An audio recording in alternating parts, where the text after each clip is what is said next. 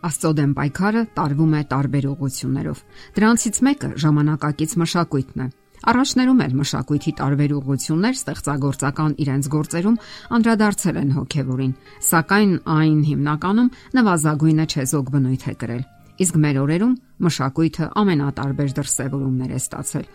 Հնչում են հորետեսական ձայներ, հոգևոր արժեքները անտեսվում են, ազատության անվան տակ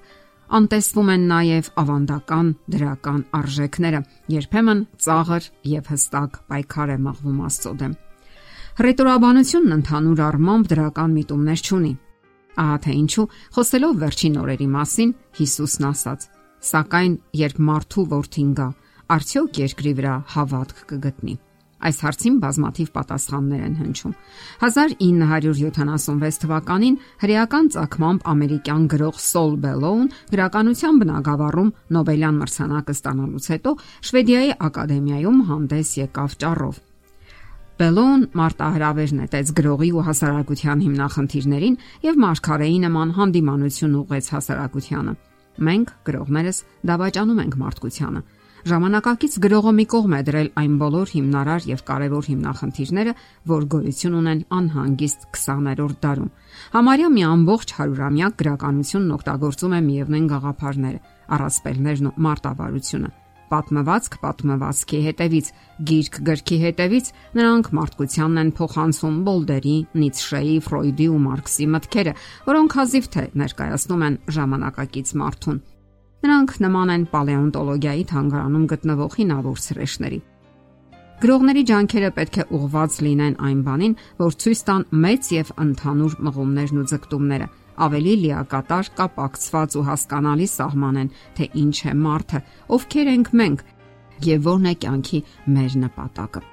Մեր օրերում ժամանակակից գրողների ստեղծագործությունները կարող են տպագրվել միլիոնավոր տպականակով, Դրանք թարգմանվում են եւ հրատարակվում աշխարի բազմաթիվ լեզուներով, աշխարի ամենատարբեր ծայրերում եւ քայլ առ քայլ աստիճանաբար նշանակալի ազդեցություն թողնում հասարակական մտքի ձևավորման վրա։ Այդ գրողներից շատերը հաստատակամ ու վճռական հայտարարում են, որ իրենք աթեիստներ են կամ այլ կերպ ասած անաստվածներ Լավագույն դեպքում նրանք ագնոստիկներ են կամ միանգամայն չեզոք դիրքում գտնվող մարդիկ, եւ անկասկած է, որ նրանց դիրքորոշումն իր որոշակի գաղափարական կնիքն է թողնում ժամանակակից սերնդի վրա։ Գրող Մարիո Վարգաս Լոսան իր հոդվածում այսպիսի խոստովանություն է անում.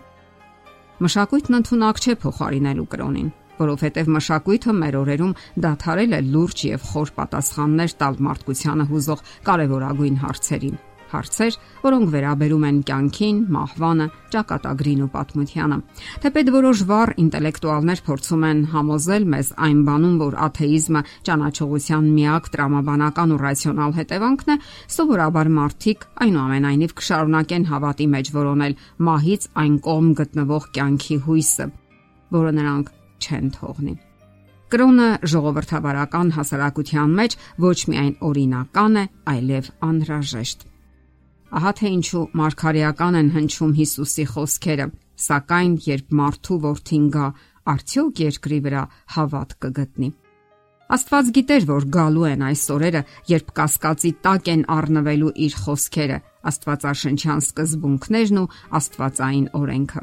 Մենք այդ օրերում ենք ապրում, այն օրերում, երբ Աստծո ձեռքը ինչպես միշտ չի դադարել գործելուց, եւ բացահայտվում են Աստվածաշնչյան ճշմարտությունները, մեկնաբանվում են Դանիելի մարգարեությունն ու հայտնության գիրքը։ Մինչ գրողների ու նկարիչների եւ այլ ստեղծագործողների համար դրանք շարունակում են մնալ ընդհանրը նյութ իրենց ստեղծագործությունների համար, այդ հոգեվոր ճշմարտություններն ու գաղափարները ցույց են տալիս մարդկության ցակումը, ընթացքն ու վաղճանը։ Ահա թե ինչը կարող է հույս տալ մարդուն Աստծո խոսքում գտնվող ճշմարտությունների իրավացիությունը եւ կյանքում դրանք կիրառելն ու դրանցով ապրելը։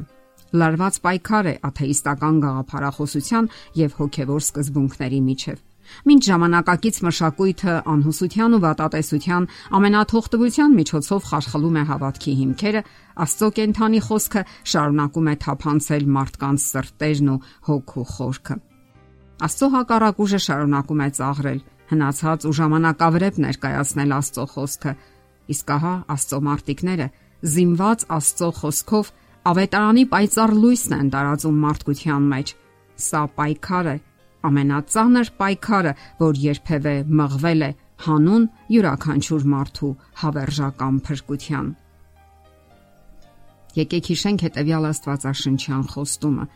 Նա որ խոստացավ, կարող է եւ անել։ Սա նաև հավատքին է վերաբերում։ Աստված կարող է թե տալ, թե աճեցնել մեր հավատքը։ Ահա այստեղ պետք է դրսևորվի մեր խոր հավատը, հուսալի եւ ամուր հավատը, որը կասկածի նշույլ անգամ թույլ չի տալիս։ Փորձությունների ժամանակ մենք կարող ենք վկայակոչել այդ խոստումները։ Մեկ անգամ եւս թարմացնել մեր հիշողության մեջ, դրանք ներկայացնել Աստծուն, մեր հնազանդության եւ Քրիստոսի արժանինքների հետ միասին եւ կատարել Աստվածային հրահանգներն ու կանոնները։ Սա է ճշմարիտ ուղին։ Հակառակ դեպքում մեզ լիակատար ձախողում է սпасում։ Սխալ է սпасելը, որ Աստված առաջինը կատարի տրված խոստումը։ Դա հոգևոր ինքնասպանություն է։ Մենք պետք է առաջինն անենք այն, ինչ Աստված է մեզ։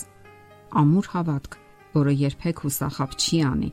Հենց այդ հավատքի մասին էր ասում Հիսուսն իր մարգարեական խոսքերում, սակայն երբ մարդու որդին գա երկրի վրա արդյոք հավատք կգտնի։ Եթերում ղողանջ հավերժության հաղորդաշարն է։ Ձեզ հետ է Գեղեցիկ Մարտիրոսյանը։ Հարցերի եւ առաջարկությունների համար զանգահարել 033 87 87 87 հեռախոսահամարով։